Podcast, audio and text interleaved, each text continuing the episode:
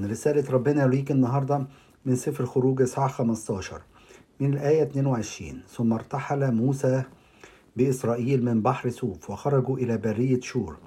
فصاروا ثلاثة أيام في البرية ولم يجدوا ماء. فجاءوا إلى مارة ولم يقدروا أن يشربوا ماء من مارة لأنه مر. لذلك دعي اسمها مارة. فتذمر الشعب على موسى قائلين ماذا نشرب؟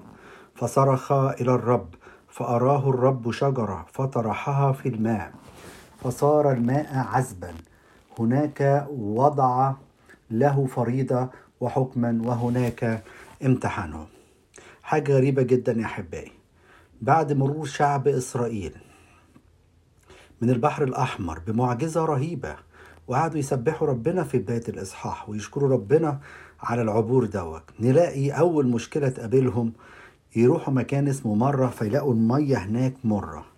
يعمل الشعب يقول لك فتذمر الشعب من أخطر الخطايا اللي بنقع فيها كلنا إن أول ما بتيجي دقيقة نتذمر على ربنا وننسى عمله عمله المعجزي اللي عمله في حياتنا.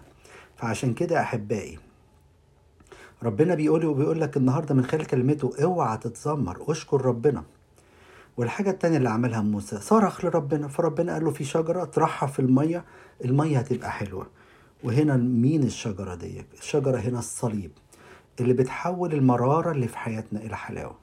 عشان كده نلاقي كان أبونا بشوي كامل كل ما يحس بألم وضيق يبص للصليب ونلاقي إن المرارة اللي في حياته والألم اللي في حياته راح بسرعة بتعزية من السماء.